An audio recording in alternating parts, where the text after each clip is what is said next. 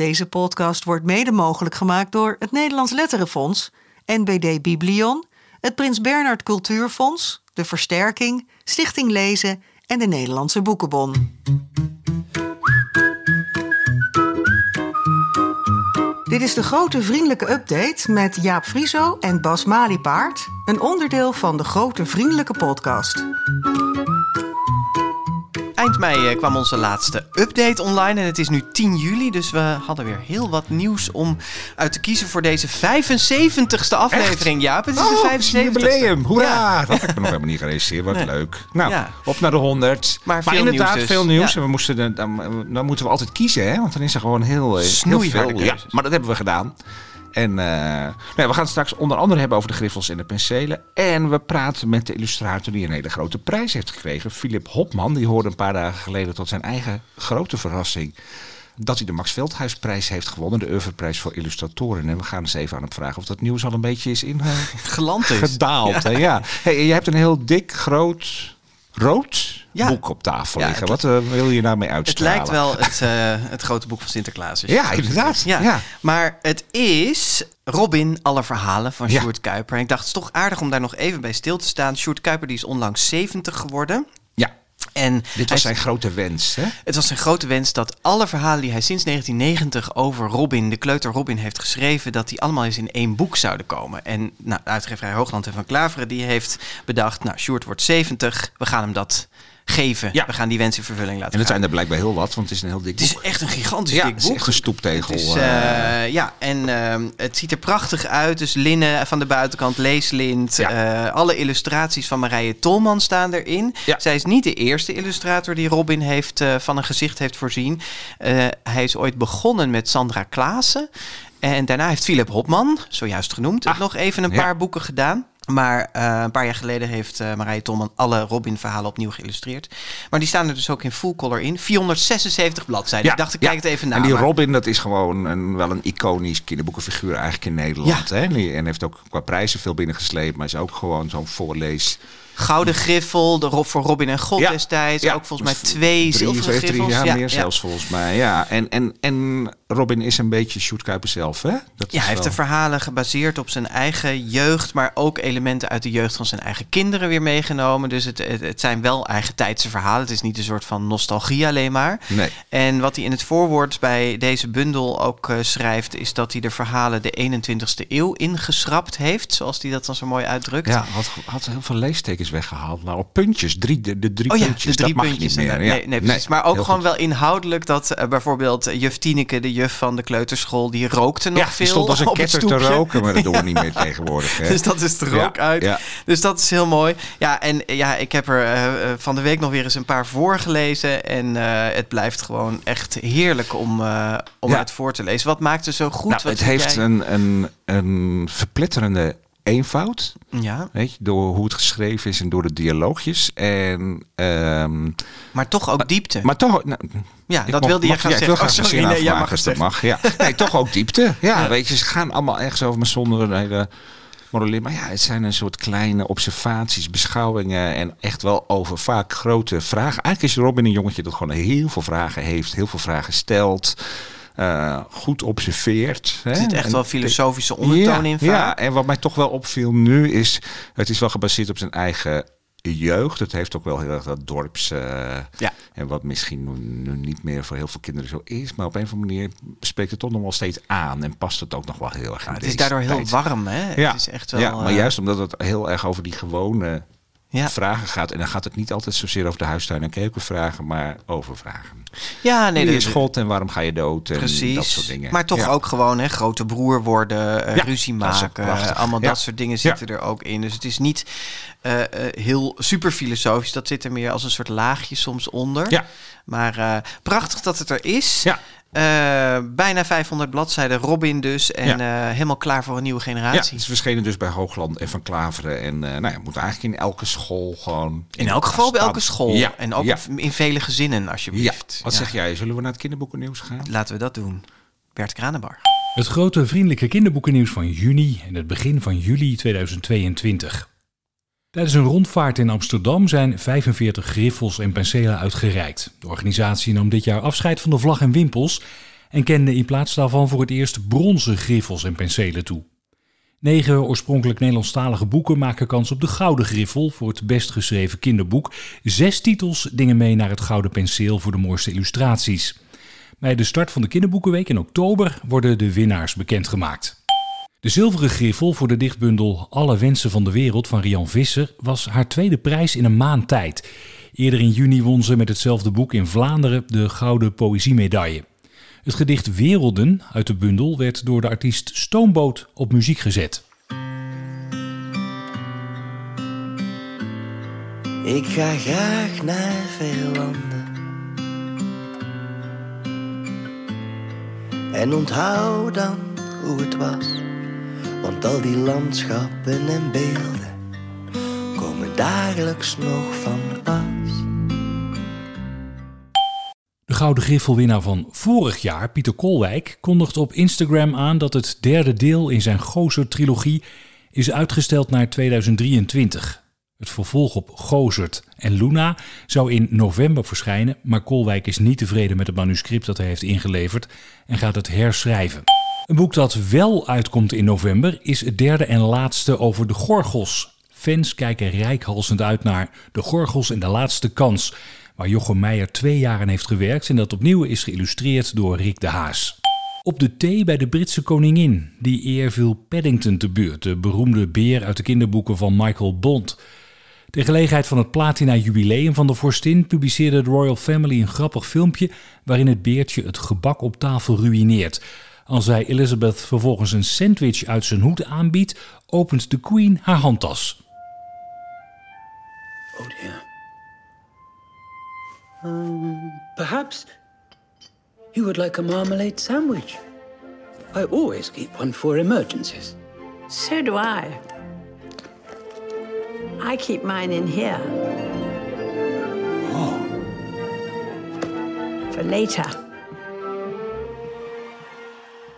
Met Durf van de Britse illustrator Harry Woodgate is het eerste prentenboek over een non-binair kind een feit. Het gaat over de verlegen Timmy, die erg van optreden houdt, maar niet waar andere mensen bij zijn.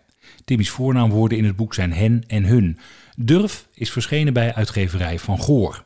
Kevin Hassing heeft met zijn boek Mus en kapitein Kwaadpaard en de koers naar de kraken de kinderjury gewonnen in de categorie 10 tot en met 12 jaar.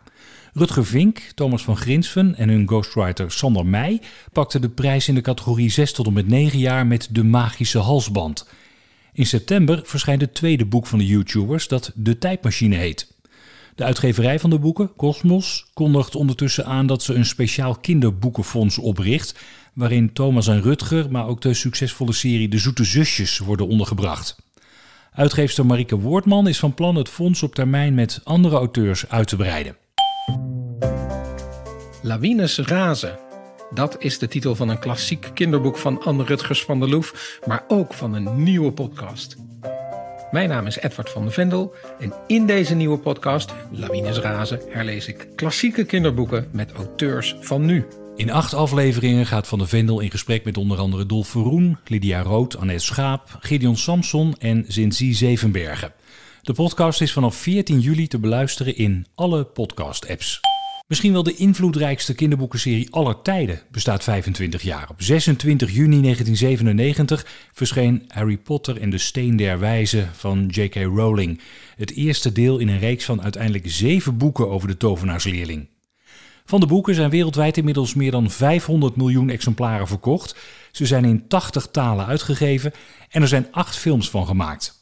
19 juli verschijnt bij De Harmonie het scenario van de nieuwste film uit het Potter-universum in boekvorm: The Secrets of Dumbledore, of in het Nederlands De Geheimen van Perkamentus.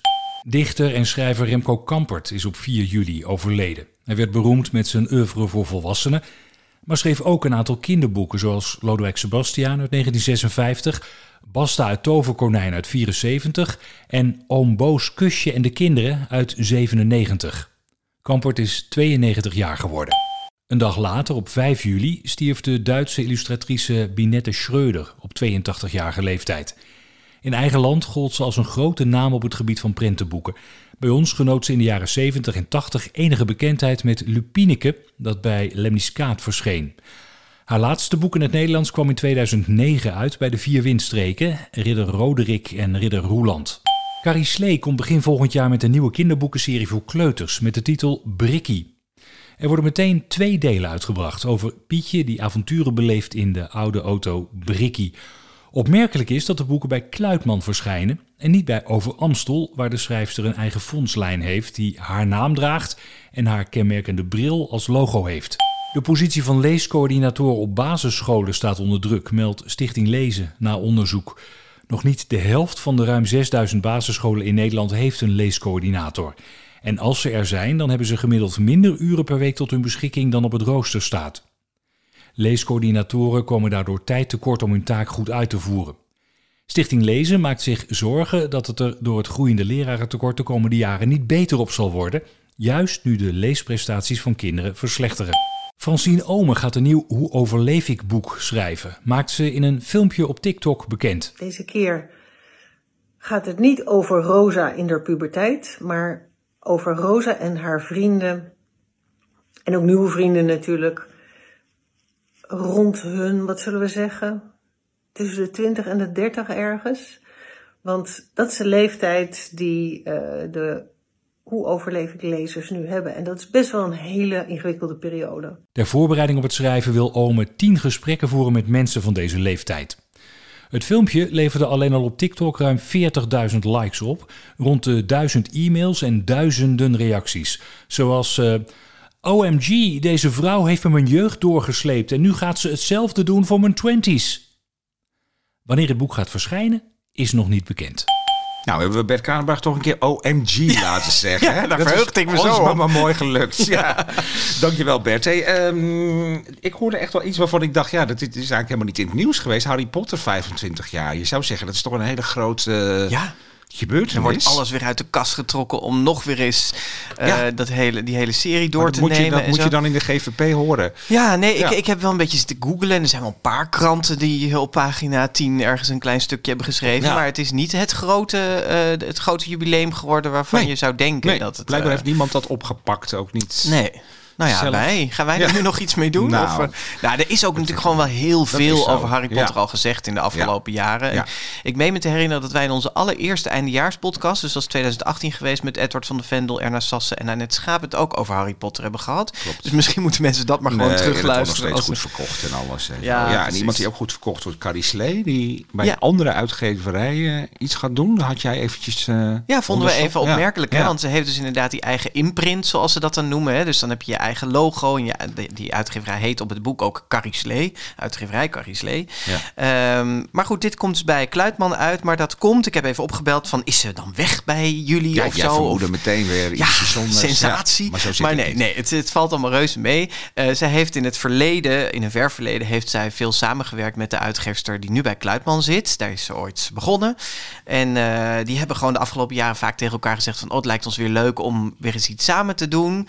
En dat gaat er nu van komen met die kleuterserie eh, die Carrie Slee gaat... eh, Over Pietje. over Pietje die ze gaat Ja. schrijven. Dus dat komt alleen even bij Kluitman. En de rest blijft Ah, gewoon allemaal onder haar eigen uitgeverij imprint verschijnen. weer opgelost. Ja, Hey, en dan verschijnt er een, een nieuw podcast over kinderboeken. Daar zijn Ja. wij natuurlijk blij Meteen mee. als de kippen bij. Ja, en Edward van der Vendel die gaat klassiekers Herlezen. herlezen en bespreken met steeds twee auteurs of, of illustratoren of makers die daar iets mee... eh, Ja, die er iets hebben. mee hebben. Of Ja. eh, die een beetje in eenzelfde hoek eh, dingen schrijven. Zo komt Bette Westra praten over Willem Wilmink. En eh, Pim, Pim Lammers en Dolf Verroen die gaan praten over het eerste lesbische prentenboek Ja. dat er ooit is verschenen. Ik kende het vaag. Toen ik het Oh. zag dacht ik, oh ja, dat waren ook L en L's of zo heet het. Ik weet het niet. ik zit niet zo in de L is zo dol op.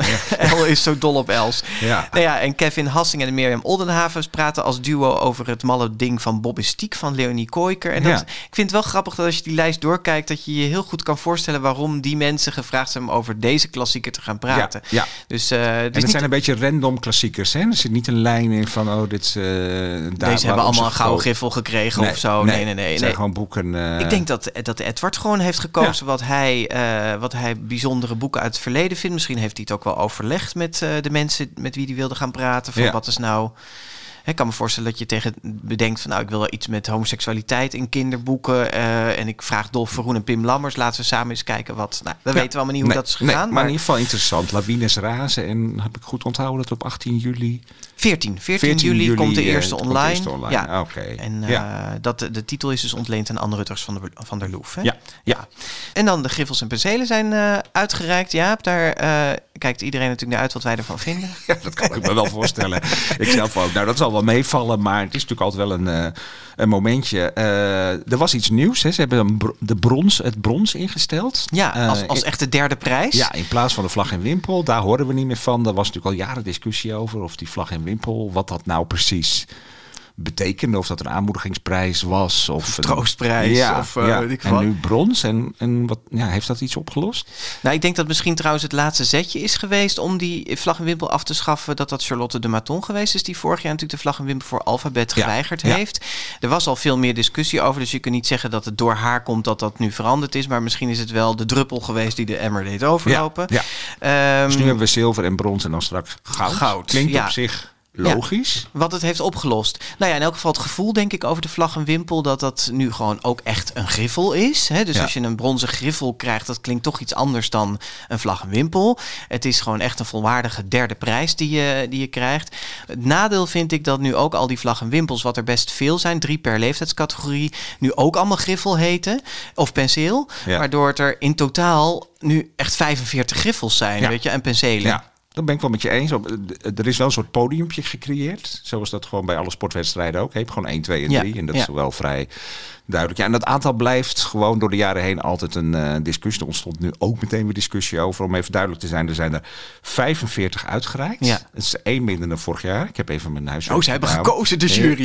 ja, nou ja, dat en, en het zijn er eh, weer drie minder dan eh, twee jaar geleden. Oké. Toen waren het er 48. Ja. Dus als die dat doorzet, dan wordt Dan- het nog steeds een minder. paar jaar we alleen de gouden griffel Ja, kijk, over. wat zij ehm, doen, er was nu wel meteen veel discussie over. En de Volkskrant schreef van ja, het is helemaal niks. Dat Wout van Prijzen, Piotr van Lenteren. Als je, als je aandacht wil, dan moet je... moet je Kiezen. kiezen. Deed hij ook even in zijn stuk ja, meteen meteen- eh, ja, goud, zilver Smeet schreef eh, daarentegen van ja, waarom moet dat eigenlijk? Hè? Het is juist wel goed misschien dat zo heel veel boeken nu eh, aandacht krijgen. Veel- Aandacht een beetje gespreid ja, in veel meer dan één boek. En dat maakt natuurlijk wel, dat is wel het, eh, de, het bijzondere van deze griffels en penselen. Dat het inderdaad gewoon heel veel boeken in het licht zet. En dat kun je ook wel echt als iets mm, ja, speciaals van deze prijs zien. Ten Maar- opzichte van andere ja, prijzen. andere bedoel je? prijzen nomineren. Hè. Dan heb je vaak vijf of zes eh, nominaties. Dus bij de Woutertje Pietersen prijs, bij de Boon nu. En die lijstjes leken al een beetje op elkaar. Dan zou je er nu nog zo'n derde lijstje bij krijgen. Wat daar ook Wat misschien wel heel erg op lijkt. Ja, terwijl waar, er ja. nu gewoon heel veel boeken in het licht worden gezet. Ook illustratoren worden in het licht gezet. En eh, ja, dan zijn het er veel. En, Ja. en zijn, zitten er ook altijd een beetje gekke dingetjes bij. Dat je denkt, Ja. waarom heeft hij nou brons? Of waarom, hè, dat, dat. mag nog één ding zeggen toch over die hoeveelheid. Want ik vind dit een heel terecht argument. Inderdaad, wat je zegt. Dat je een beetje ook de diversiteit in de jeugdliteratuur kunt laten zien. door heel veel verschillende boeken te bekronen. Het- ik, ik vraag me wel altijd af van wat is nou het doel van die prijs? Is dat om de makers een veer eh, eh, op een plek te steken waar de zon niet schijnt? Ja, ja. of, eh, of is het voor de consument hè, dat ze een, een soort gids willen zijn voor boeken aanschaffen? Ja. Nou, dan kan ik me voorstellen dat 45 boeken best wel weer veel is. Of is het te doen om de media-aandacht? Het is toch de collectieve propaganda van het Nederlandse boek. En dan merk ik ook eh, bij, de, bij de media, die schrijven er ook over, een zekere prijzenvermoeidheid. Hè? Ja. Er is zoveel van waar moet je nou dan Ja, maar dan gaat het weer veel meer over. Dat is eigenlijk een andere discussie over dat er gewoon heel veel prijzen in totaal al Ja, zijn. ja. Hè? Dat, daar kun je over. Maar goed, eh, daar helpt 45 griffels helpen daar natuurlijk niet aan mee. Nee. Om dat een beetje overzichtelijker te Nee, maken. maar, goed, misschien is het ook we weer de taak van de journalistiek om daar wat keuzes in te maken. En zelf waar. te kijken. Dus laten we dat even. Wij gaan, wij gaan ja, wat, welke, maken, welke, welke boeken eh, was jij heel blij mee? Nou ja, goed, als je de lijst, eh, als je nog goed naar de podcast hebt geluisterd Ja. afgelopen jaar en, en de lijst bekijkt, dan weet je dat ik heel erg blij ben met de zilveren griffel voor Jason Reynolds. Voor Ja. Let Goed Op. Uit Amerikaans vertaald heeft daar ook prijs voor het beste kinderboek, of in elk geval genomineerd daarvoor. En in Amerika, of in, eh, sorry, in Engeland de Gouden Griffel eigenlijk daar gewonnen. Dus ik had ook verwacht dat dat hier wat zou gaan doen, maar ik was een van de weinige recensenten die daar e- echt over geschreven heeft. Dus ik stond er een beetje alleen in. Maar dus ik was nu heel blij. Het De voelde als een soort cijfertje. triomf dat Ja, hij een, griffel Ja. had gekregen. En Nou jij? verder, ja, eh, eh, zo'n boek als Ik praat als een rivier. Dit zijn toevallig wel allebei buitenlandse Ja, ja. boeken. Wat over, eh, heel mooi over stotteren gaat. Dat heeft een, eh, een Griffel. gekregen. Weer geen penseel, wat ik Vond dan weer een heel beetje gek vind. Ja, en dat hetzelfde geldt voor Zee van Liefde van Pieter Goudense Boos. Wat Ja. een griffel heeft gekregen en geen penseel. Maar Ja. toch wel in de...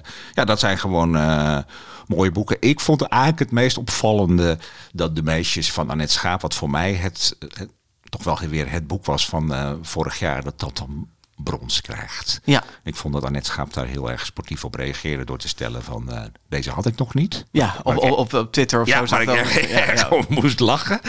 Maar ja, dat, dat snap. Dit zijn dan keuzes die waarvan ik gewoon denk, dat begrijp ik gewoon niet. Nee, Hoe is zo'n discussie dan gegaan in de, in de jury? Kijk, je kan uiteindelijk dan discussiëren of zo'n boek goud moet hebben, maar dat het geen zilver heeft. En als ik dan kijk welke sommige boeken wel zilver hebben, vind ik dat. Ja, dat, dat, Vind ik dat eh, ben ik helemaal met je eens. Het is wel altijd de lastigste categorie. Ja, 9, dat zit 9 ook weer in die 12. leeftijdsgroep. Dat Ja. is echt, daar Ja. komt heel Ja. veel Doe voor dan maar uit. een extra boek, denk ik dan of zo. Ja, En missen we nog boeken echt? Ja, Schaduw van Toet hè, van eh. Lida Dijkstra en. Jenny Villa heeft zowel bij de penselen niks gekregen als bij de griffels. En ik heb bijna het gevoel dat daar iets misgegaan moet zijn. Want het boek is natuurlijk bij de Boon eh, genomineerd en ook bij de Woutertje Pieterse prijs. Ja. Dus Maar wat, misgegaan? Ze hebben het niet nou ja, gezien? Of, dat eh? weet ik veel. Ja, nee, dat, dat, de- ik ben er niet bij geweest. Nee. Maar ik, ik, kan me, dan- ik, ik denk dan, hoe kan dan dat deze twee, twee juries Ja. ook nog allebei dat boek dan niet, eh, niet eens dus een, een, een bronzen penseel Nee, of griffel nee, geven? nee. Nou ja, we ja, hebben het wel goed. uitgebreid bij de GVP behandeld. Dus dat is ook Precies, een soort ja, prijs. Ja, ja. Ik miste nog wel, eh, ik weet de titel even niet goed, met het kleine huis bij de rivier. Of Ja, aan de rivier ja. van Selma Noord. Vond ik een heel mooi. Ja, vond ik ook heel mooi boek. jammer. Ja, en wat ik toch altijd een beetje gek vind, is dat Charlotte Dematon dan weer ontbreekt. Terwijl die fantastische illustraties heeft gemaakt bij het Groot Biegel. Sprookjesboek. Ja, Ja, je, wat echt gewoon zo mooi is. Maar misschien is dat dan toch de klassiek of zo. traditioneel misschien, ja, ja, ja. Nou ja, wat verder nog opviel is ook wel leuk om te noemen, denk ik, dat de eh, prijzen over steeds meer uitgevers worden verdeeld. Er waren nu 45 prijzen Ja? en 21 uitgevers mochten zeggen, joepie, we hebben een van die prijzen gewonnen. Dus dat Ja. is bijna één op... eh, En dat was dus meer dan voorgaande jaar? ja, want in 2021 waren dat nog 17 uitgevers en het jaar daarvoor 16. Dus ja. dat is wel een mooie ontwikkeling, hè? Vroeger was het natuurlijk altijd, eh, hè, wat je altijd overal hoorde, ja, Querido Ja, pakt alle nou, die prijzen. nog steeds wel relatief de meeste. Die hebben er geloof ik nu zes. God maar heeft er, of zeven. En God maar heeft er vijf of zes. Weet je, dus er, zijn, er is nog wel een aantal uitgeverijen wat er bovenuit stijgt. Maar je ziet toch dat in de breedte ste- blijkbaar steeds meer uitgeverijen boeken maken die opvallen bij, eh Nou, dat is op zich bij een goed Ook me. kleine Ja. uitgeverijen, ook wat minder expliciete kinderboekuitgeverijen. Dus ja, dat is alleen maar toe te juichen, toch? Ja, dan, dat is heel, heel mooi, die spreiding Ja. van kwaliteit. Hebben we het nou goed behandeld? Ja, ik denk het wel. Ja, ik, eh, iedereen wil natuurlijk weten wat wij denken dat goud gaat krijgen, maar daar gaan we lekker niks ik over zeggen. Mee. Nee, misschien later. Hey, die leescoördinatoren Ja. viel mij nog op. Wat, wat is een leescoördinator ook Ja, het is alweer? even weer even een taaier onderwerpje, maar toch wel heel erg belangrijk. Eh, Een, een je hoort leesconsulent en leescoördinator. Hè. De leesconsulent, dat zijn de mensen die vanuit de bibliotheek eh, werken met scholen.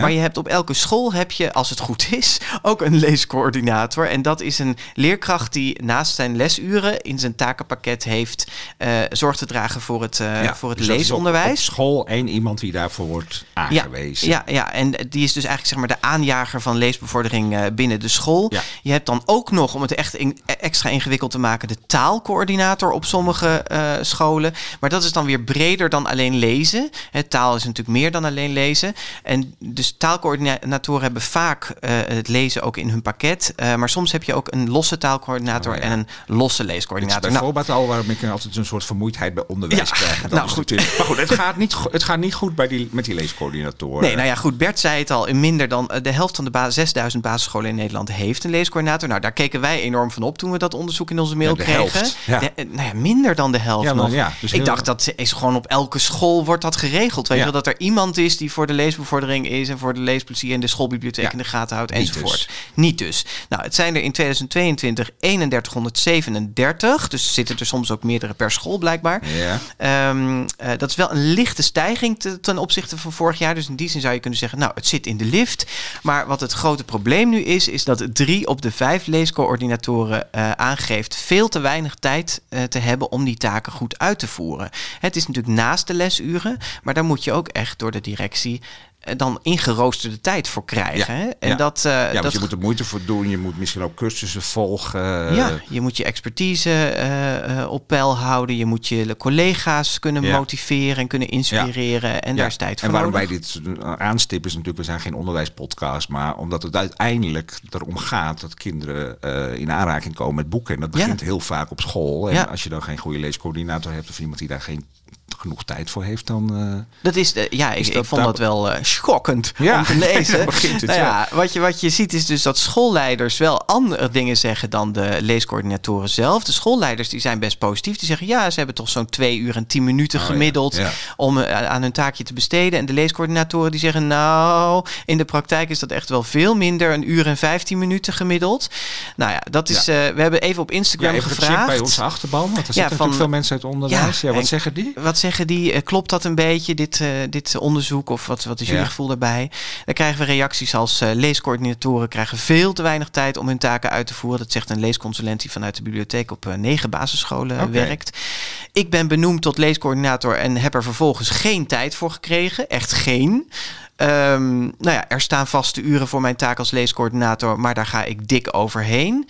Eh, even kijken, waar hebben we er nog een? Ja, eh, tijd krijg je weinig. Het moet binnen je taakuren, maar het is wel het allerleukste om je voor over de kop te werken. Ja, dat ja. vind ik dan weer heel lief klinken, maar laat zo'n directeur dan gewoon dat ook even erkennen. Ja. En, eh, en dan nog zien. iemand die zegt, we hebben officieel geen leescoördinator, maar er zijn twee collega's die boeken kiezen voor de schoolbiep. Ja. En dat stuit dus heel erg aan met het probleem dat meer de helft van de helft van de scholen inderdaad zo'n geen, geen, leescoördinator heeft. Nou ja, wat een oplossing is, Stichting Lezen die zegt eh, eh, als aanbeveling na het onderzoek van maak van het leescoördinatorschap op school geen taak, maar echt een functie. Want hierdoor krijg, eh, komen er meer ambulante uren beschikbaar en zullen er ook meer eisen gesteld kunnen worden aan de gegadigden, dus aan de leerkrachten die dat willen gaan doen. Die moeten dan bijvoorbeeld ook echt een opleiding gaan doen, de, de cursus open boek, of die Ja. moeten echt... nou, nou, hup. Alle Hup, directeuren die mensen. luisteren, of Ja. andere mensen die Op luisteren. elke ga school een leescoördinator. Zeker weten. Ja. Het volgend jaar gaan we het weer checken. Hey, ehm, aan het eind van deze aflevering gaat er natuurlijk weer een boek in première. Dit keer een dichtbundel. Maar we gaan eerst nog even een klein feestje vieren met de winnaar van de Max Veldhuis Ja? Ja, die grootste oeuvreprijs voor illustratoren in Nederland. Dan krijg je 60.000 euro. Vind Lekker bedragje. Ja, Ja. wat kun je er allemaal mee doen? Eén keer in drie jaar uitgereikt. En hij ging al eerder naar grote namen als T. John King, Dick Bruna, Manse Post. En nu is de beurt aan Philip Hopman. Die kennen we, want die hadden wij ook in de aflevering eh, Ja. ooit. En jullie kenden hem als luisteraars waarschijnlijk van Boer Boris... of van Jubelientje, van zijn versie van Wippela... of het prentenboek 22 Wezen... waar hij een zilveren penseel voor, eh, voor kreeg. En hij hangt nu aan de lijn als het goed is. Philip, Ja, hallo. hallo, van harte gefeliciteerd. Dankjewel. ja, in het persbericht eh, gaf je aan, Filip, dat je echt volkomen verrast was. En nu zeggen prijswinnaars dat wel vaker, maar het heeft jou echt wel oprecht overvallen, geloof ik, of niet? Ja, het was, het was echt ongelooflijk. Ik kreeg een, eh, een... De telefoon ging. Het was een, een onbekend nummer. Dat neem ik meestal niet op, want ik ben dan bang dat ze me een nieuwe, tele, een nieuwe energierekening willen aansmeren. En eh, ik dacht, ah, ik neem op. Het, is, het, was, het was een mooie dag. En eh, ja, ja, toen was dat Maaike Meijer. Eh, u kent mij niet, maar ik ben de voorzitter van de Stichting PC Hoofdprijs. En eh, zit u goed? Oh jee. En eh, ik, eh, ik dacht, wat moet, zij, wat moet dat mens? en en, en, en eh, nou ja, weet je, dan wordt dat langzaam duidelijk wat die boodschap is. En dan, dan wordt alles een beetje draaierig. En, en, en, Maar, en, eh, maar Filip, wa- waarom was je zo verbaasd? Want je weet, ik bedoel, ik snap dat het je verrast op dat moment, maar je weet toch ook dat je een rijk oeuvre hebt en dat dat best in aanmerking zou kunnen komen voor zo'n prijs? Ja, en toch was ik er niet op bedacht. Ook omdat ik, ja, ik, ik, ik had geen, mo- geen, geen benul van het moment van bekendmaken of wat dan ook, wat dat, dat het eraan zat, zat te komen. Bovendien ehm, ja, heb ik wel een heel rijk oeuvre. Maar, of tenminste, ik heb gewoon heel veel boeken gemaakt. Ehm, ehm, maar ja, ik, ja, ja, ik dacht, ja, kom ik daar nou voor in aanmerking? En er zijn ook, ook mensen die zeggen van nou, het wordt tijd dat ik dat krijg. Maar ja, zo zit ik niet in elkaar. Ik denk, ik denk van nou, dat, dat zal wel aan mij voorbij gaan of weet ik veel wat. Ik was er gewoon niet zo mee bezig. Het was mijn trouwdag. Ik, de- mijn vriend was een, mijn, man moet ik zeggen, die was een taartje aan het halen. Hè, het zou een, Ja, dat, eh, kwam was goed toch wel een uit. leuke dag. Ja, dat kwam goed uit, dat Ja, taartje. En nog ja. even dat Ja. moment, hè, want dan hangt, hang je op met ma en dan zeg je bedankt en eh, je ligt een beetje achterover van de schrik en dan hang je op. Precies. En, en ga je dan iedereen bellen? Wat gebeurde er toen? Of heb je een half uur voor je Nee, nee, ik moest het een week geheim houden. Dat was natuurlijk verschrikkelijk. Want Ja. ik wou meteen Ted van Lieshout bellen en ik wou iedereen bellen. Maar ik moest het echt stilhouden. Ja. Eh, dat, heb, dat is me gelukt. Eh, Je mocht het wel aan je man dan nou vertellen. Ja, en mijn uitgever mocht ik bellen. Oké. Dus dat ja, je kunt het aan een paar... En ik heb Edward van de Vendel gebeld. eh, Want die telefoonnummer heb ik. En die zat in de jury. Ik zeg, Edward, wat zullen we nou krijgen? en nou ja, en toen... En toen ja, want nou ja, dan... dan ja, de jury heeft echt een... een een werkelijk on- ontzettend mooi rapport geschreven waarin ze mijn werk ehm, belichten. Ja, in bewoordingen die ik zelf nooit zo zou eh, kiezen. Nee, zal ik Maar dat is toch wel, ja. Filip? Dat is voor de luisteraars wel leuk. Nou, ja. Philip Hopman is een vakman die vele stijlen en perspectieven aan kan en daarbij altijd een eigen signatuur heeft.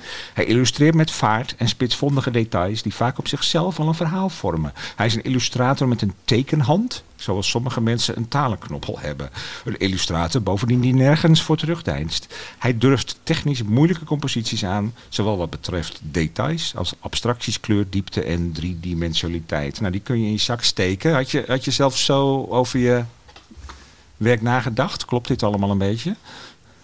Nou, als je het zo terugleest, ja. Ja, Ja. Dat, het klopt wel. Ja, ik, ja weet je, ik, ik zeg van, ja, ik doe maar wat. Ja. Snap je? Ja, En waar, waar ben je dan het meest trots, ja, waar ben je dan het meest trots op, wat hier zo in benoemd wordt?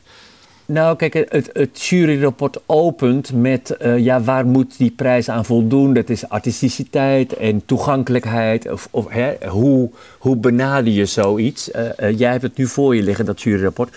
Dat vind ik toch wel heel bijzonder, weet je, dat ik, dat ik veel lezers, kijkers, mensen, kinderen, volwassenen bereik door de combinatie van ehm, ja, dat het, dat het nou ja, mijn tekeningen zijn gewoon heel toegankelijk. En ze zijn toch ook wel rijk in beeld en warmte en Zeker. stond er ook nog meer in. Dus, Ja. dus dat vind ik wel, ik denk, ja, dat klopt. Dat klopt wel, inderdaad. En je zegt in het, Mhm. eh, in het persbericht ook dat je van ver gekomen bent. Wat bedoelde je daar precies mee? Ehm, kijk, kinderboeken illustreren eh, sowieso een bestaan als kunstenaar, dat, eh, is, eh, dat, dat is mij niet aankomen waaien.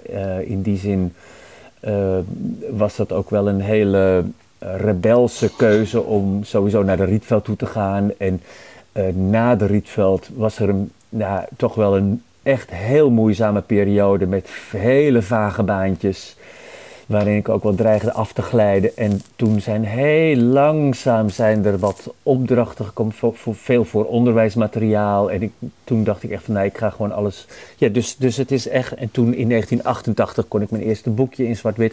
En toen zo, nou ja, nog een boekje. En toen in 1991 mijn eerste prentenboek, een ober van niks. Weet je, dus het is echt wel, in die zin bedoel ik daarmee dat ik van ver... Ik ben niet met een... Met Astrid Lindgren begonnen bijvoorbeeld. Nee, nee, Weet nee. je, het is echt... eh, nee, je bent niet met een knaller binnengekomen. nee, maar, maar je maakt niet, nu nee. wel een knaller, hè? En, en Boer Boris. En je hebt wel eens verteld dat in die, in die Boer Boris prentenboeken... dat daar veel in samenkomt waar je eigenlijk je hele carrière op hebt geoefend. Kun, kun je uitleggen Ja, hoe, dat zou je kunnen zeggen. ja, ja, hoe zit ja. dat? Hoe kun je dat uitleggen? Eh, Nou, in dingen die ook wel in dat juryrapport worden aangehaald. eh, ik, ik vind mijn composities nu evenwichtiger dan twintig jaar geleden. Want toen was ik echt zo eh, van de hele losse, losse pols. Ehm, heel vaardig. Dus weet je, door, door toch heel veel, ja, door ook de veelheid van, van die enorme berg boeken die ik heb geïllustreerd. Dat zijn natuurlijk toch wel echt heel veel vingeroefeningen geweest voor wat ik. Ik ben nu wat bedaarder, hoe zeg je dat? Wat, wat, wat, eh, wat, eh, eh, netter in mijn lijnvoering. Ehm, in, in mijn, mijn kleurgebruik is wat ingetogener geworden. Dat was natuurlijk in het begin ook heel erg zuurstokroze en paars en weet ik wat allemaal. Ja, dus in die zin. En het is ook wel, nou, als je het hebt over de warmte. Kijk, ik hou heel erg van die hoofdpersonen, van de personages van Boris en Berend en Sam. En dus, ja, en Ted en ik maken die boeken echt met heel veel plezier. En eh, ook omdat het goed loopt, kan ik meer tijd besteden. Want het is toch heel veel jaren ben ik echt aan het racen geweest tegen, tegen de klok. Ja, Zoals omdat het allemaal af moest. Deadlines ook. achter deadline. Precies, de een na de ander, weet je. Dus, eh, Ja. dus in die zin eh, komen er heel veel dingen samen nu. Ja, en Boer Boris en ook Jubilientje, die kennen natuurlijk iedereen. Maar er zijn misschien wel eh, minder bekende boeken in je oeuvre waar je wel heel trots op bent. Kun je daar eens een, een, een titel van noemen? Van dat moet iedereen eens eigenlijk even in de bibliotheek opzoeken. Om die kant van mij ook eens te zien. Bijvoorbeeld ehm ehm, eh, Miekis de Ezeljongen, dat is geschreven door Bibi Dumontac. Dat is een verhaaltje dat speelt zich af op Corfu, een jongetje en een ezeltje. Dat heb ik met heel veel plezier in potlood getekend, eh, vrij schetsmatig. En ehm, dat eh, vind ik heel goed gelukt van sfeer.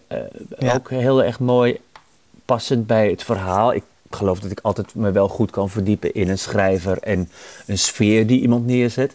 En dat is, dat is een, eh, een klein, heel lief boekje. Er is trouwens ook, ook van die Bibi Dumontac is eh Wojtek. Eh, Soldaat- Soldaat ook alweer? ja. Soldaat Wojtek. Ja.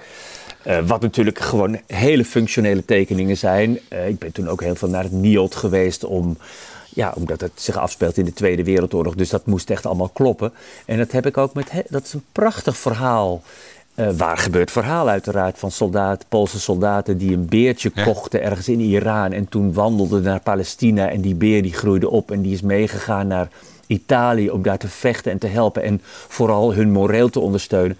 En dat heb ik ook met heel veel plezier gemaakt, dat boek. Dat Ja, ik vond het ja. meer omdat ik Nou, het verhaal zelf zo eens, eh, bijzonder vond. Ja, kunnen mensen nog eens even opzoeken. Eh, Zeker, ja. Mensen kennen je nu eigenlijk gewoon van Boer Boris. Blijven ze je daar de komende tijd ook vooral van kennen? Of ga je nog andere dingen doen? Eh, ik begin eh, straks met het zeventiende deel van Boer Boris. Ja, hou niet op. Eh, dus ja, voor de, voor de niet-liefhebbers is dat slecht nieuws. Want ik ga gewoon, Ted en ik gaan voorlopig door met Boer Boris. En ehm, kijk, Boer Boris maakt het mij ook mogelijk om daarnaast dingen te doen die ik, die ik echt heel bijzonder vind of heel leuk vind. Dus er is wel eh, iets waar ik aan wat in het verschiet ligt, maar wat nog zo ge- geheim is, dat nog geheim, nou ja, dat is, daar kan ik nog niks over zeggen. Oh. Maar weet je, dat is gewoon iets heel ja. kleins, iets heel, eh, iets heel leuks Leuk. ook Ja. wel. Eigenlijk Dus is het dat- laatste dat- boek ja. dat je voor een tekst van iemand anders hebt geïllustreerd... is De Boom met het Oor van Annette Schaap. En daarover spraken we jou uitgebreid in aflevering 10. Dus als mensen dat nog wel willen horen, dan kunnen ze daarnaar terug. Eh Philip Hopman, dank je wel. Eh, De prijs eh, wordt later dit jaar uitgereikt. En in het voorjaar van 2023 opent het Kinderboekenmuseum in Den Haag... de tentoonstelling Philip Hopman in beeld. En nou dient er zich een mooi bruggetje aan naar onze rubriek. Ja. Want Philip Hopman en Ted van Lieshout... die hebben onlangs aangekondigd dat ze een deel van de opbrengsten... uit eh, die Boer Boris boeken willen inzetten... om beginnende kinderboekenmakers te stimuleren... met een aanmoedigingspremie.